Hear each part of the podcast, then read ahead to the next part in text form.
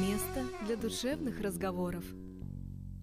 Всем привет! С вами подкаст «По душам». С вами, как всегда, ведущая Арина Арепьева и Нина Брянцева. И сегодня у нас в гостях психолог Никита Григорьев, с которым мы обсудим довольно обширную тему. Назовем ее условно «Должны ли дети верить в Деда Мороза?».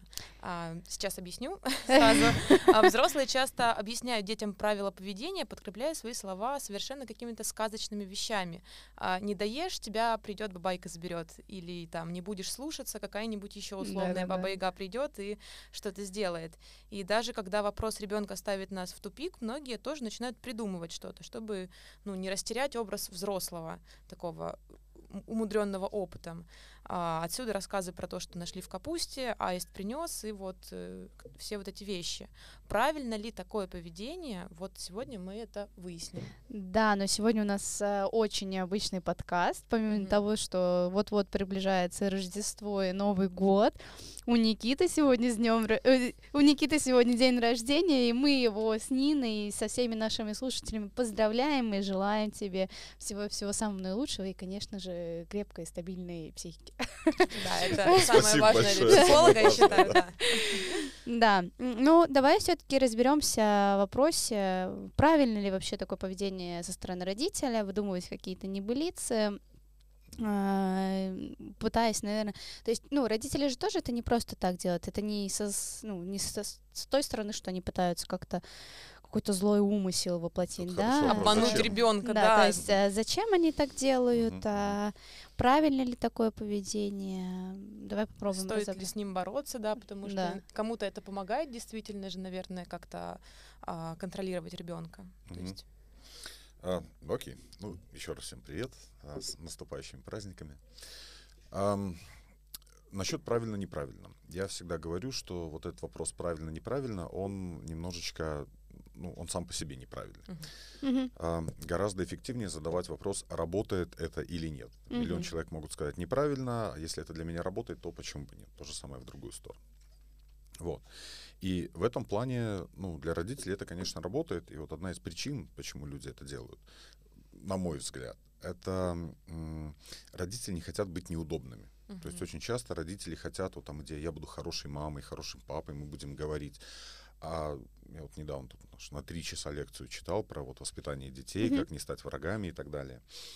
А, все очень боятся стать врагами. Вот что такое воспитание? Это организовать последствия. Не будешь есть, не будет мультиков, не будет учиться, там не пойдешь там в компьютер играть и так далее.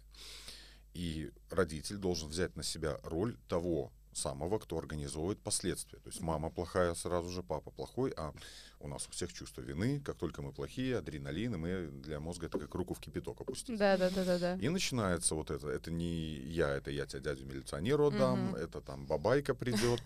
Все вот Перекладывание ответственности такое. По сути, да. По сути, да. Что организую последствия не я, а какая-то там бабайка.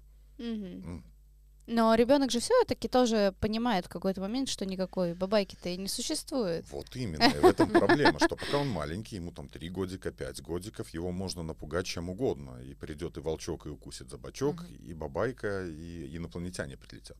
Но если а, ну, мы же, по-моему, в одном из прошлых подкастов говорили про детей, что мозг автоматически выращивает эти нейронные uh-huh. связи там, и так далее ну, это форм... первые годы жизни формируют наше мировосприятие. И, по сути, что такое взрослый человек? Чем взрослый человек отличается от вот инфантильного, там, неспособного? Mm-hmm. Это понимание последствий своих действий или бездействия. Mm-hmm. Я что-то делаю, вот на работу не хотят люди идти. Ну, с утра в понедельник э, я люблю свою работу, но иногда я такой, блин, я бы это... Да, хоть каждый день поспать бы подольше, там и начинался бы рабочий день попозже, заканчивался бы пораньше, да? Вообще цены не было. Но последствия, если я не пойду на работу, там счета и так далее, и так далее, это то, что делает нас взрослыми людьми. И по сути, всегда говорю, что задача родителей это, ну, что такое воспитать, абстракция какая-то. Это научить детей, что у их действий или бездействий будут последствия обязательно. Вот, и по сути, да, родители пытаются, но последствия не я тебя организую, как мать, как отец, как тот, кто тебя воспитывает, а какая-то бабайка. И вот, повторюсь, лет до 5, там, до 7-10, условно говоря, это 7-10, это прокатывает, а потом ребенок понимает, что никакой бабайки нету, никто не придет, а родители мне последствия не организовывают. И потом они приходят и говорят, у нас что-то ребенок неконтролируемый стал, сломался. Ну, так потому что Работал, бабайка работал. отменяется, а зачем мне все это делать? Бабайки, бабайки нет, а родители Ничего не сделают, Ничего да. не А сделают, родители и да. сами уже разучились. Для них это нонсенс стать плохими. Мгм. Мгм. И ребенок, если действия родителей подтверждают, что последствий не будет, и бабайка отменяется, зачем мне учиться, зачем мне все это терпеть? Шлем всех куда подальше и занимаемся там этими компьютерными играми и так далее. Вот, так что э, стратегия удобная для того, чтобы сохранить, так сказать, э, лицо, быть хорошим родителем, Мгм. но, к сожалению, э, иногда может привести вот к, к к таким неприятным последствиям. Опять же, я оговорюсь, это не значит, что вот сто процентов так и будет, но Мгм. я это часто вижу. Вот у кого-то лучше бывает, у кого-то хуже. Кто-то комбинирует, кто-то говорит, да-да-да, бабайка, но там придет и от-та по попе сделает мама. Там, или, как- вот. Тогда это не так ярко выражено, не так критично, но вот если мы так преувеличенно смотрим на проблему, что из этого может получиться? Это Мгм. именно не мама, не папа, а бабайка. Потом выясняется, что бабайки нету, а потом раз, и у ребенка нету какого-то стимула что-то вообще делать, потому что зачем? Не будет Ну и авторитета, получается, тогда тоже нет. Совершенно верно. Авторитетом становится бабайка. Мгм. Мгм. А родители, они такие, мы вместе вот это. Про- Против про нее. Мы Да, тебя любим, любовь, э, морковь, все дела, да, да, да, розовые облака, а бабайка это тучки серые. А в каком возрасте все-таки ребенок может начать подозревать, что его, так сказать, ну, обманывают, грубо Мгм. говоря? Мгм. При этом э, родители, это тоже у многих родителей есть принцип о том, что в семье не врут, в Мгм. семье не обманывают, а в семье говорят правду. То есть это то место, где ты можешь быть со мной искренним и как бы, ну, даже скорее требуют от ребенка, чтобы он был с ним искренним. Но в ответ они вот про эти бабайки, про деда, Да. да, про, те- про того же Деда Мороза и гномиков. То есть, Ну, да, тут я уточню. Да. То есть я считаю, что ну, нам надо делить негативные вещи и позитивные. Да. Я считаю, что, конечно, ну, это, я не хочу сказать, что с ребенком нужно вот с самого детства говорить, что так, Василий, там, ему Василию два годика, давай с тобой посчитаем бюджет, что ты хочешь, Лего, там у мамы там это самое. Ну, эм, то есть, э, если речь идет о позитивных вещах, о сказке там и так далее, это ну, не значит, что не нужно, Мгм. что ребенку этого не нужно. Опять же, нужно понимать, что наш мозг это такой орган, который собирает эту окружающую реальность из кусочков Лего. Называется Мгм. интеллектуальные объекты. Мгм. Таким образом, мы понимаем мир. То есть вот простой пример. У нас тут на потолке свет горит. На потолке. Как его включить или выключить? Как? Выключатели. выключатели. Так, а где выключатель? Хм, На стене. На стене, а свет на потолке. Что за магия? Почему там нажимаем? Мы-то знаем, что там проводочки. Вот, проводочки. А вы стену когда разобрали, чтобы увидеть там проводочки? А мы просто верим в это. А, ну вот. А может, это бабайка там на самом деле. Бабойка такая стоит. Да. Вот, я это вот к чему. Эти провода никто в глаза не видел, но наш мозг в состоянии понимать, что там какие-то провода, которые как-то это соединяют. То есть способность нашего мозга видеть невидимые вот эти вот объекты, Мгм. называются интеллектуальные объекты. И формирование вот этих кусочков пазла, этих интеллектуальных объектов, кусочков мировосприятия, из которых ребенок будет потом собирать будущий мир, Мгм. оно как раз происходит в течение жизни, особенно в первые годы. И э, воображение, там, сказка, там, бабайка, Дед Мороз и так далее, это как раз такая виртуальная наша реальность, в которой эти все, ну, в которой зарождаются виртуальные объекты. И если мы про негативные, страшные вещи начинаем туда накладывать кучу объектов, про бабайку, кощея, там, не Мгм. знаю, всяких милиционерами пугают, это самое Да-да-да-да-да. Советского Союза мем. Вот. То эти интеллектуальные объекты ребенок берет с собой во взрослую жизнь, что есть какая-то абстрактная опасность, ее никто в глаза не видел. И опять же, я сейчас прям оговорюсь, что я преувеличиваю, да, нету Мгм. каких-то исследований четких и так далее. Но если вот, э, ну, вот предположить, то это может быть такой хорошей базой для, в принципе, невроза, для невротичного поведения во взрослой жизни. Всю жизнь меня окружает добрая мама с папой и куча непонятных опасностей. Ну так в 30 лет я не буду хотеть уходить от Мгм. мамы с папой, потому что мир страшный и пугающий. Да. Не конкретно бабайка, а в мозгу это виде, в, кон- в концептуальном виде. Мгм. Какая-то непонятная опасность, которую никто в глаза не видел. Мгм. Таким человеком легко манипулировать, такой человек боится принимать решения и так далее. Вот, поэтому насчет негативных вещей я считаю, что ну, важно говорить прямо. Мгм. Вот был такой прям часто рассказываю случай, мы с ребенком поехали гулять на кладбище. Потом, ну, то есть он птичку мертвую увидел, он жучка мертвого увидел. Мгм. Вот смерть. Ему было годика, наверное, 4. Я в этом не пугал, а я, я говорю, ну, под- я, кладбище классная тема. Мало людей, тихо, птички поют, там зелень. Ну, правда. Вот. И у нас как раз там бабушка его похоронена. И Мгм. вот как дети это воспринимают. Мы пошли, там вот могила, они прям таким мхом поросшие, ну красиво, как в какое-то это, новое место попали. Я говорю, ну вот могила, тут твоя бабушка лежит. Он такой, так, а как, а что? Я говорю, ну да, вот люди, люди когда умирают, они ж не на улице лежат, их у- прям, прямо рассказал, их уводят там на кладбище, некоторых в крематорий. А люди, когда под землей, ну, под, под землей, ну, под землей, да, по сути, Мгм. они там разлагаются, превращаются в, в скелет. И он на меня смотрит, а что такое для ребенка скелет? Там мультики и Да, все с- это. страшно. Да-да-да. Скелет? Давай откопаем. Да. Вот, то есть э, дети гораздо проще к этому всему относятся, чем взрослые. У взрослых уже гораздо больше этих тяжелых интеллектуальных объектов. И траур, и беда, и так далее. Но мне кажется, тут тоже надо понимать, с каким э, домыслом мы доносим, с какими эмоциями мы говорим это. Если мы говорим об этом спокойно, о том, что есть у каждой жизни начало, и у каждой жизни есть конец, и это нормальный процесс, то, ну, как бы ребенок такой, окей, я понял. А если мы будем говорить, господи, сыночка, ты это тут осторожно, а то, не дай бог, умрешь, ой, и мы тут умрем, и он ну, Конечно, сло- словит конечно, сразу же конечно. панику. А э, вот если говорить спокойным голосом, то дети в целом воспринимают такие вещи очень спокойно. И идея как раз в том, что дети не знают, как это, Мгм. как к каким-то новым вещам относиться эмоционально, и Мгм. они смотрят бессознательно, ну подсознательно, на Мгм. считывают эмоции родителей.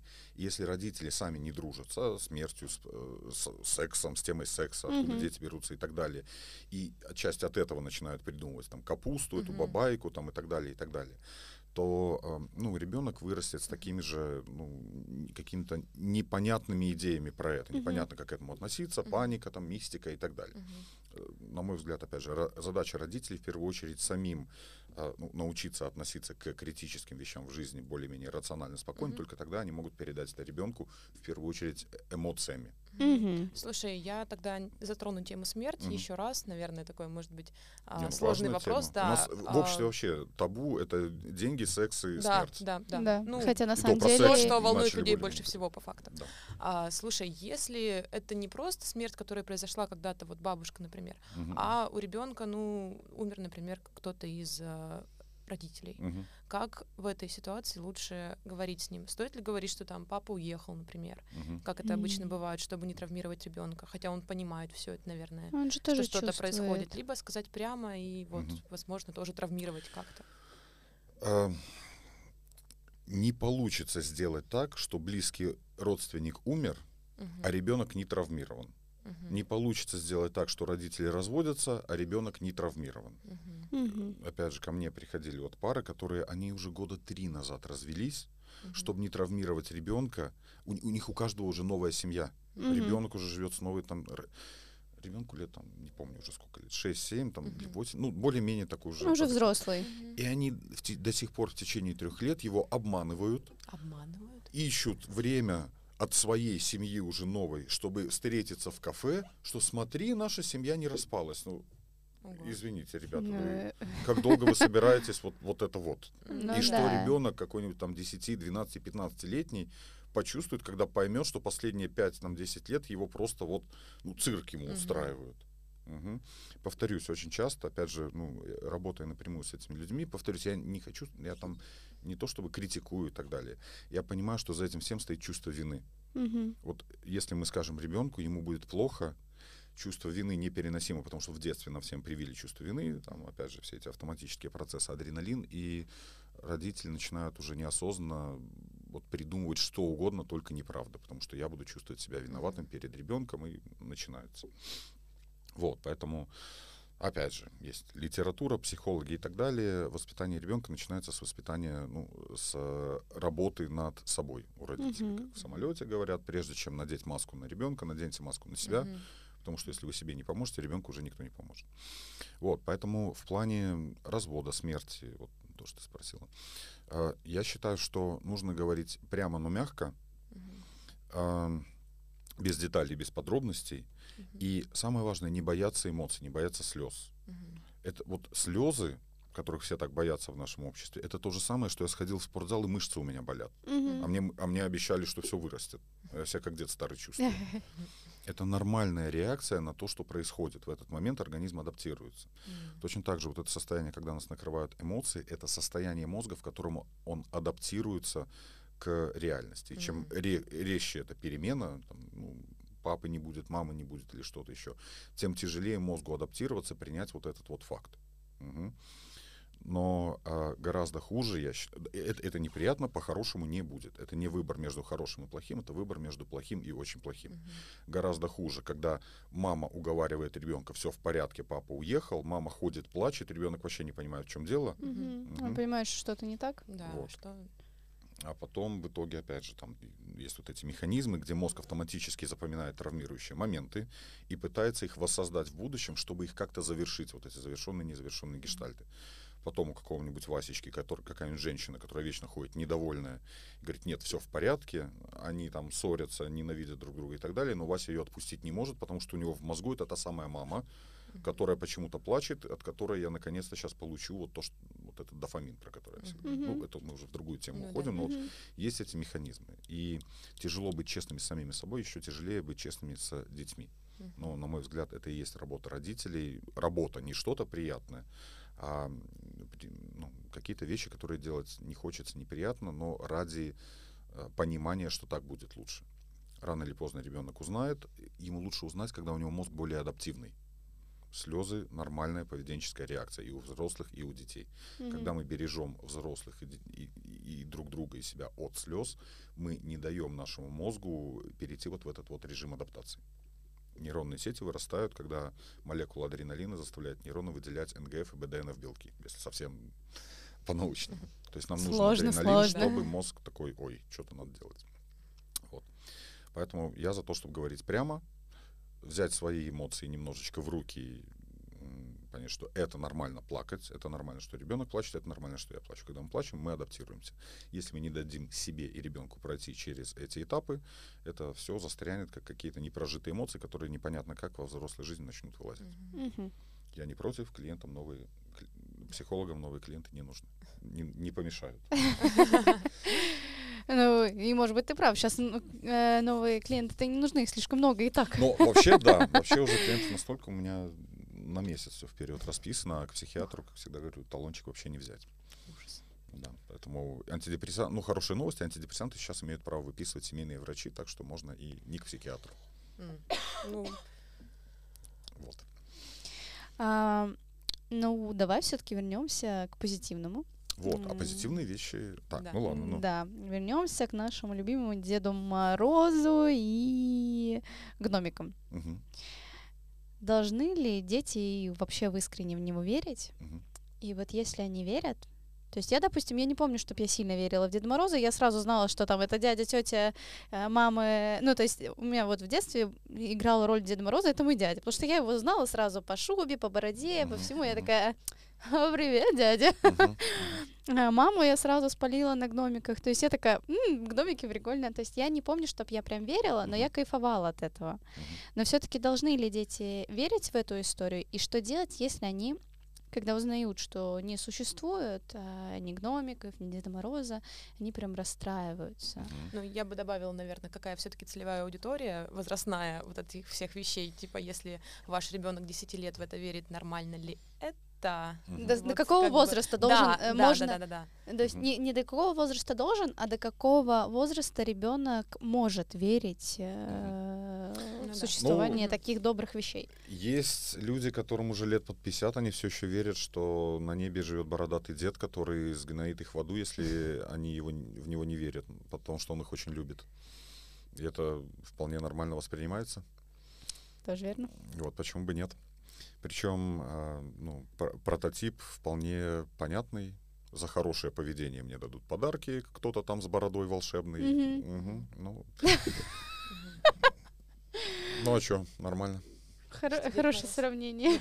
Не, ну так оно вот оно так и ложится. Ну да. Вот. Причем в Америке там вообще не не шифруются. Это Санта-Клаус, это Святой Клаус. А, ну, А, ну да, да, да, да, да. Вот, ну ладно, это все конспирация там и так далее. Но... а, что это все там придумали, эти рептилоиды, чтобы поднимать экономику на, там, раз в году и так далее. А, можно спекулировать сколько угодно.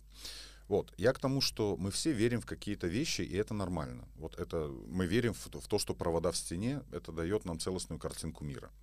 Я не, не люблю, вот опять же, говорить правильно или неправильно. Есть люди, для которых религия вот правда работает. Мгм. Люди, которые там, у них нету какой-то поддержки и так далее. Сама та идея, что там на небе живет какой-то боженька, который за мной смотрит, и э, с ним можно поговорить, для некоторых людей это ну, заменяет и психолога, и антидепрессанты, и почему бы нет. Повторюсь, это неправильно, не неправильно. Если это работает, почему бы нет. Насчет детей. Ну, то есть, вот мы говорили, что негативные вещи, бабайка и так далее, это может стать прям чуть ли не причиной неврозов, какая-то абстрактная опасность, за этим стоит э, страх родителей быть виноватыми, плохими. Тут, я считаю, нужно говорить прямо и про смерть, и про последствия, и про наказание, про все вот это вот. Но, э, опять же, э, я считаю, что у детей должно быть детство. Мгм. Должен быть праздник, должны быть позитивные вещи. И гномики, и Деды Морозы. Вот я, кстати, из Беларуси, я сюда приехал, я впервые про гномики услышал. Какие гномики? А, я н- до сих пор не могу привыкнуть. Нина тоже рассказала, что она не- впервые услышала, что я не знаю, откуда у нас эта тема вообще пришла. Какие-то адвенты, и мне до сих пор жена Не, ну говорит, адвент это, это более-менее, мне кажется, у «Не, всех у, меня есть, был, нет? у меня был Новый, Новый год с Дедом Морозом, и там было какое-то католическое Рождество, Старый Новый год и, И православная, православное да. Тоже Но основное это Новый год, а какие-то вокруг него. Вообще я впервые какие-то гномики, какие гномики, я реально не понял. Ну, Кто из нас с ума сошел? Не, у нас это прям, ну, я не знаю, он Не, ну часть культуры уже, да. прям сколько, ну сколько, мне 24, скоро 25 будет. Всю жизнь гномики были. Всю жизнь веришь в гномиков. Вот, ну, Я, в них не верю, но я жду их. а, Сейчас гномика заменяет муж, там А. намекаю ему. Ну, почему бы нет, да. Я думаю, это как Хэллоуин, то есть это какая-то западная, например, культурная вещь, которая в постсоветском, советском пространстве вообще не было, а сейчас все его празднуют. Я думаю, что, ну, почему бы нет, круто. Больше праздников Праздничное в жизни. да.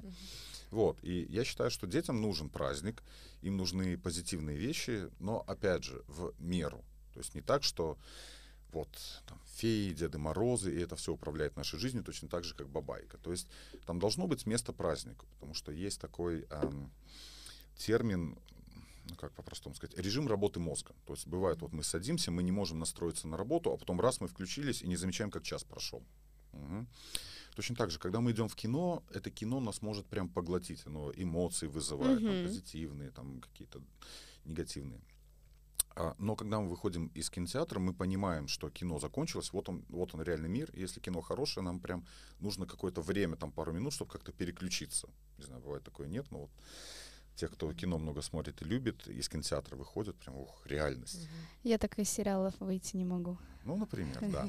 То есть у нас есть такое свойство, и мне кажется, его важно использовать, чтобы, опять же, чтобы у ребенка выработались эти позитивные механизмы мышления, позитивные механизмы воображения, что нужно и важно осознанно устраивать себе праздник, да, даже если потом вскроется, что это там мама с папой дарят подарки и так далее.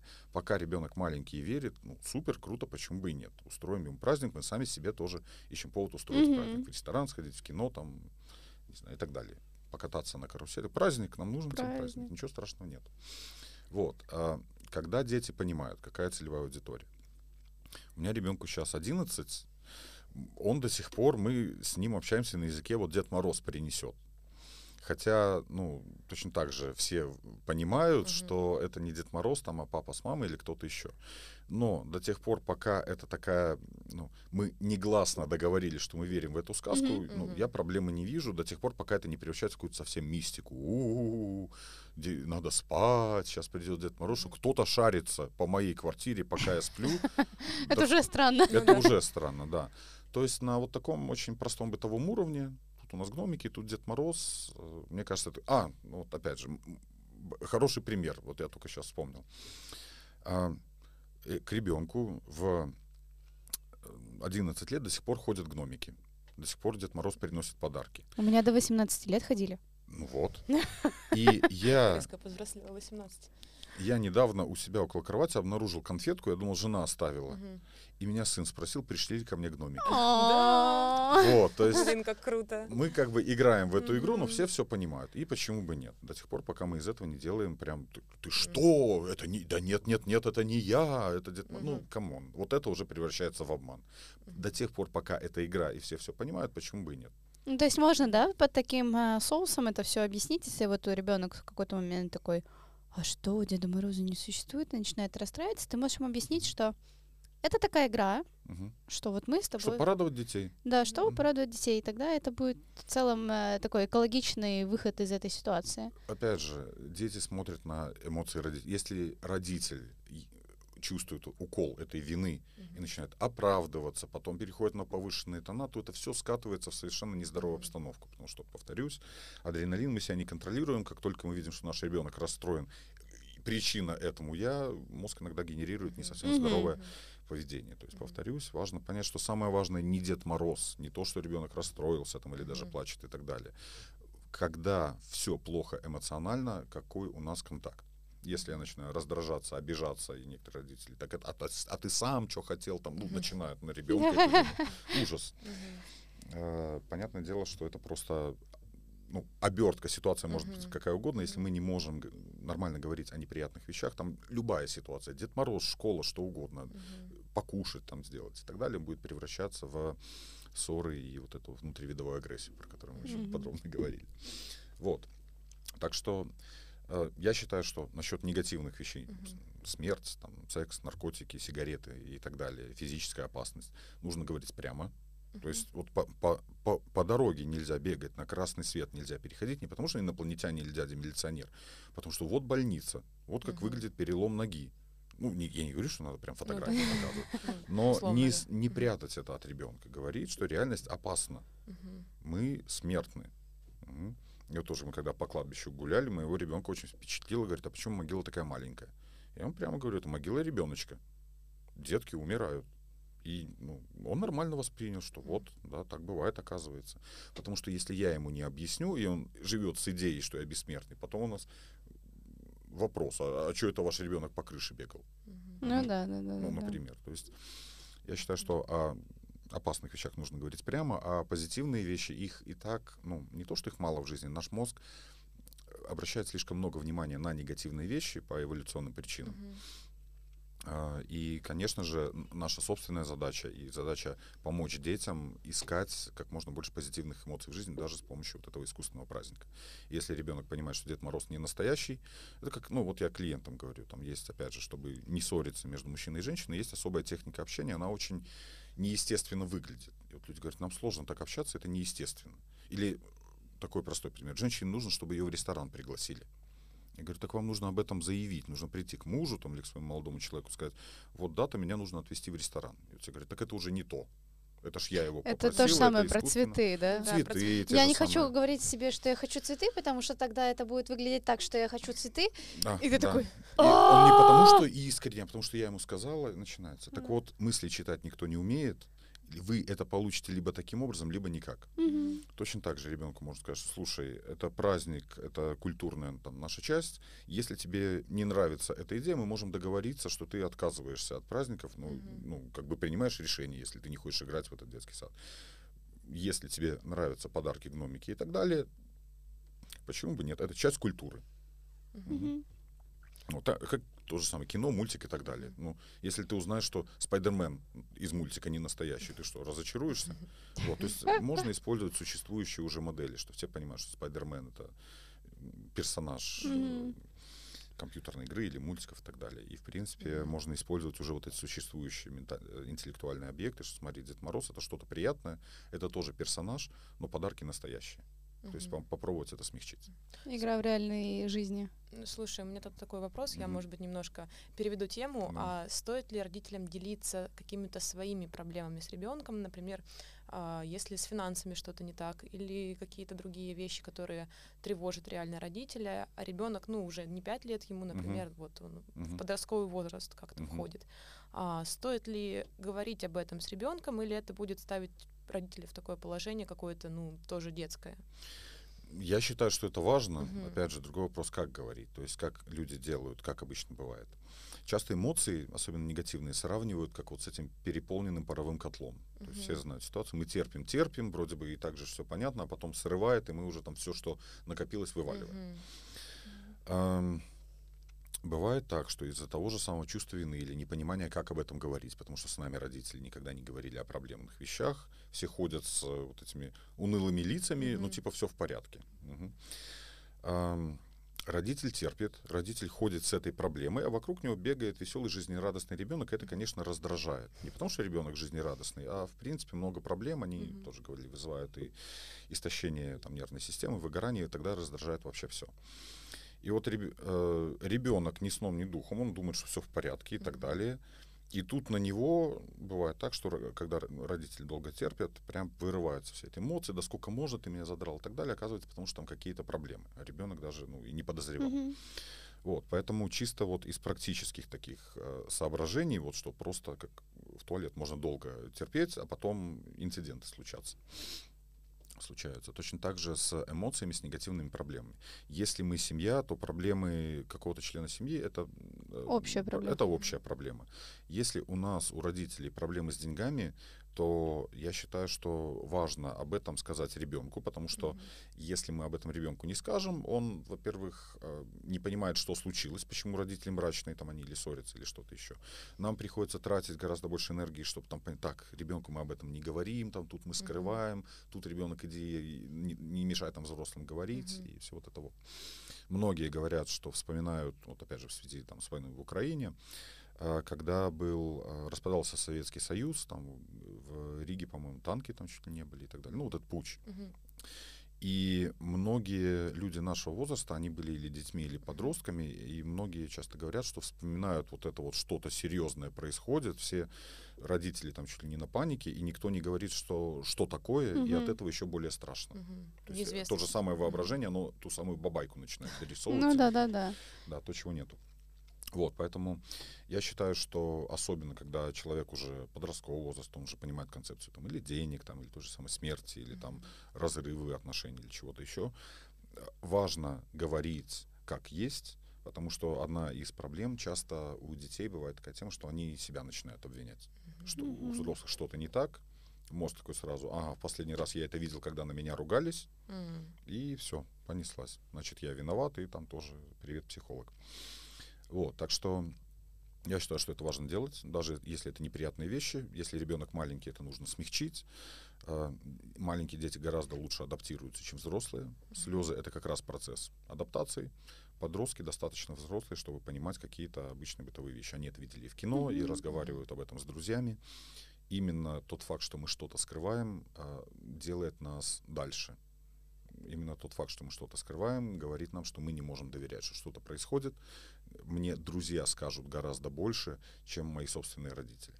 Мгм. Вот, а потом вопросы, а почему ребенок с нами не общается и так далее. Повторюсь, самое важное не говорить или не говорить, а как об этом говорить. Да, да, да. У ребенка не сформировались эмоции насчет каких-то проблем, дети инстинктивно считывают эмоции родителей. Если родители сами на панике не могут э, там, себя контролировать и так далее, то сначала нужно что-то сделать с собой. Книжку почитать, чай на травах выпить, к психологу сходить и так далее, но разобраться со своими эмоциями, тогда я смогу ребенку донести э, ну, в экологичном виде, мгм. э, поговорить с ним о какой-либо проблеме. Но мне кажется, в целом этот прием надо принима- э, применять не только с детьми, э, со своими близкими, с мужем, с женой, э, с Тем- тем более. родителями. Безусловно, Да, потому что одно дело, да, мы пытаемся это все, понятное дело, смягчить для ребенка, но и нельзя забывать то, что мы тоже не можем сказать своему близкому человеку о какой-то ситуации, нагрубив ему и так далее. Ну, потому что это тоже ту- тупо некрасиво.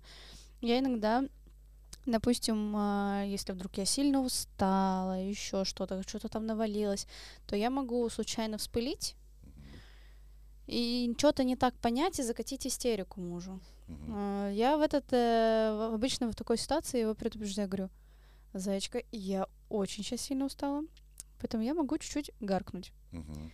В этой ситуации, пожалуйста, просто обними меня и не обращай внимания. Мгм. И он понимает, Хотя бы что... вот эта маленькая фраза. Да, то есть он сразу понимает, что ему надо делать, когда вот, типа, я что-то не так вот сейчас, то ли на него обиделась резко, то ли еще что-то.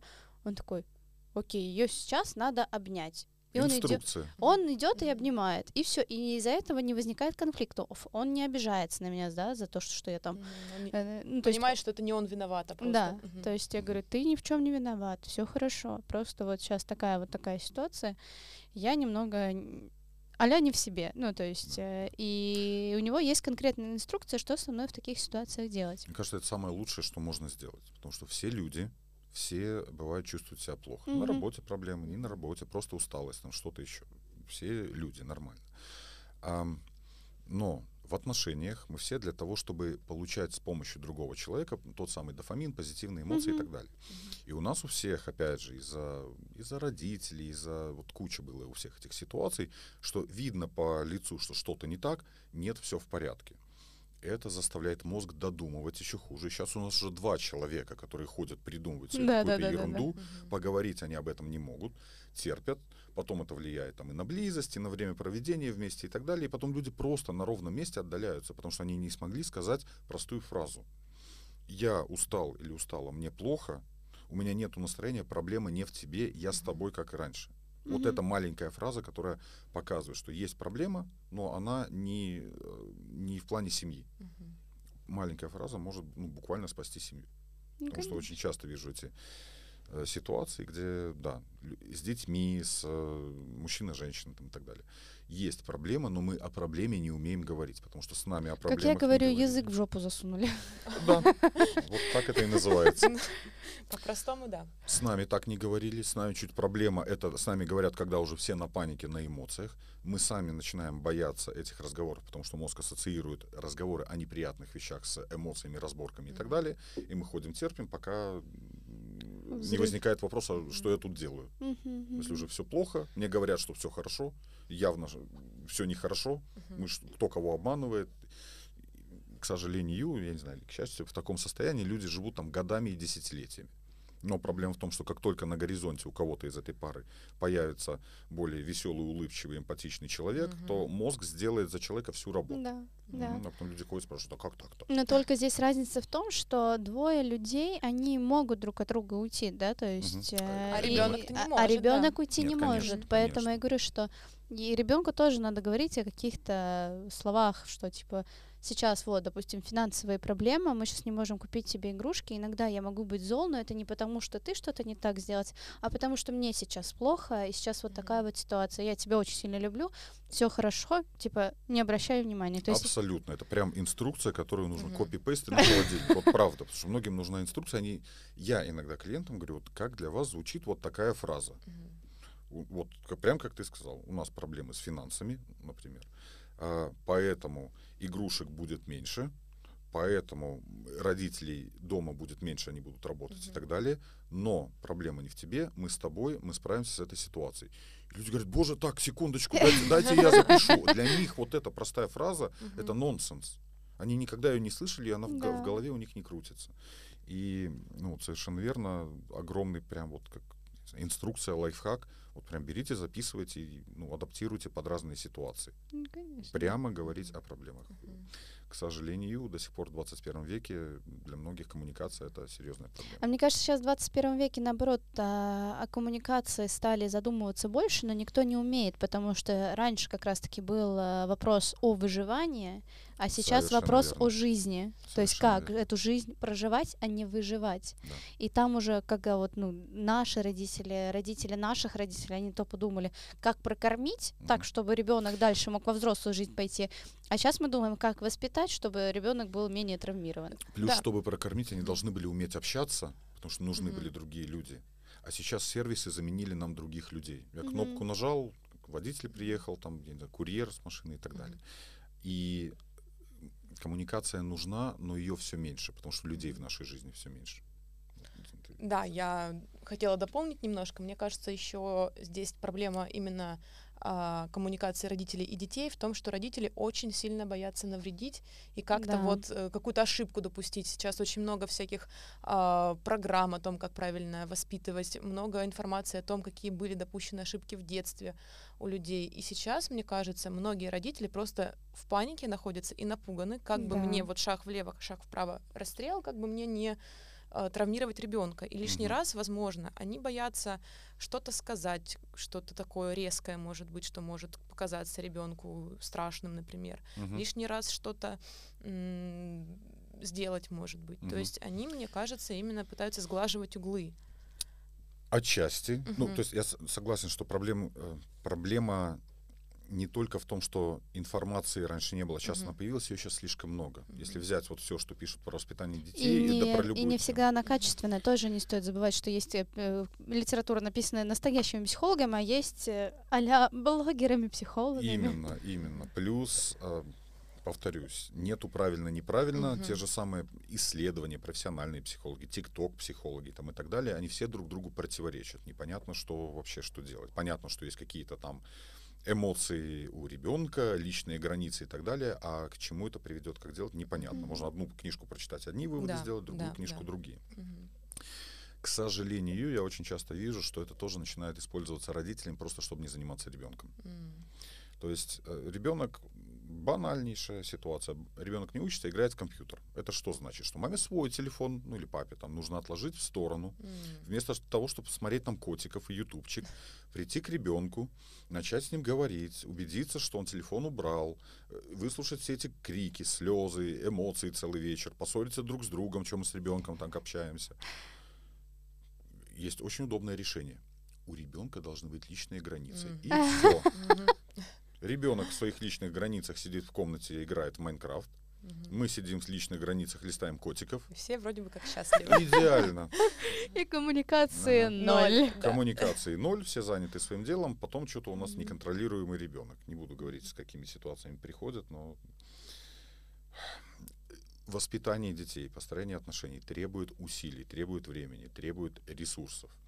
Личные границы — отличная отмазка, чтобы не заниматься ребенком. Ребенком нужно заниматься, ему нужно устраивать искусственные кризисы, потому что если родитель не устроит искусственный кризис, жизнь устроит неконтролируемый кризис, где. Искусственный. где границы ребенка будут нарушать уже не папа с мамой, а товарищ прокурор. Ауч. Да, не хотелось бы, конечно, до Вот. этого доводить. Поэтому либо появится в мозгу понимание, что у моих действий Мгм. есть последствия, либо жизнь начнет это предъявлять неконтролируемо. Мгм. Ну, мне кажется, у нас такой очень содержательный сегодня подкаст получился. И не только про детей, между И не прочим, т- мы такой поговорили, да. прям про жизнь, я бы сказала. Мгм. Хороший подкаст про жизнь. Про э, общение, Про общение. потому что коммуни- вот это все, гномики и так далее, это тоже насчет общения. Если Мгм. говорить, как говорить, не говорить, к чему это приведет и так далее. И, и так или иначе ребенок поймет, как с ним тогда говорить, что тебе там, Петя, 20 лет, знаешь, извини, папа с мамой разведены, а Деда Мороза нет. Потому что иногда взрослым людям- какой купол надо было посадить ребенка? иногда приходится абсолютно вот взрослым людям, абсолютно адекватным, объяснять, что вообще-то люди смертные. Какая-нибудь бабушка от рака умирает, отвратительно, ужасно. Там. Что вы хотите получить в результате? Чтобы бабушка не умирала. Так, а не умирала сейчас от рака или вообще? Вообще. М. У меня плохие новости. Бабушка умрет, вы умрете, я умру, мой ребенок умрет, мы все смертные. И Мгм. Деда Мороза еще нету. И бабайки тоже. И родители развелись. И, Из всей этой ситуации не умрет Дед Мороз. вот, Потому и что его нету, да. психолог уже в итоге является тем человеком, который в каких-нибудь 45 лет начинает объяснять человеку базовые вещи про окружающий мир, потому что всю жизнь это была Дед Мороз, бабайка, солнышко и радость.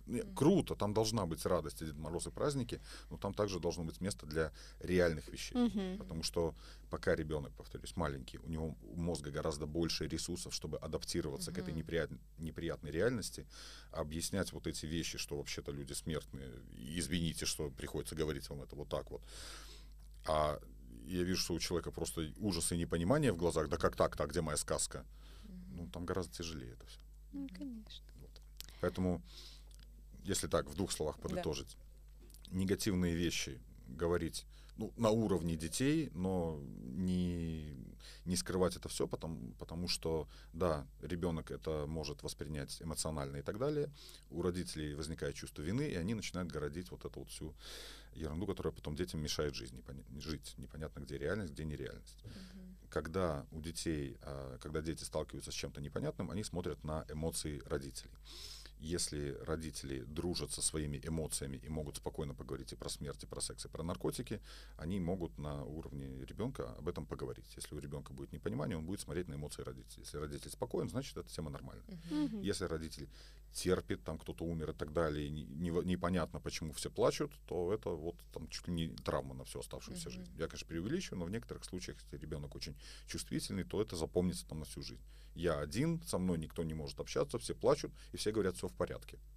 Я как только услышу во взрослой жизни фразу «все в порядке», мой мозг достанет этот ужас. Важно говорить с детьми о неприятных вещах. Вот. А насчет Дед Мороза и гномиков, я считаю, что в жизни должен быть праздник, мы сами себе устраиваем праздник, и, конечно же, детям тоже нужен этот праздник. Нету ничего страшного, что ребенок как-то узнает, он узнает это от друзей в школе там, и так далее, и так далее.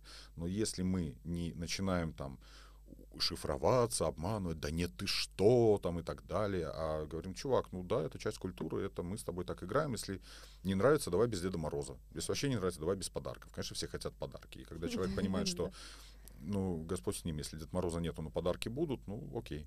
Повторюсь, вот мой ребенок, он, мы с ним все еще говорим на языке гномиков, но оказывается, теперь он уже мне гномиков. есть Дети хорошо адаптируются. Ну, хороший такой прям у нас подкаст, мне кажется. Рождественский. Да. Да, и, Рождественский, и такая точка да. хорошая в этом году будет.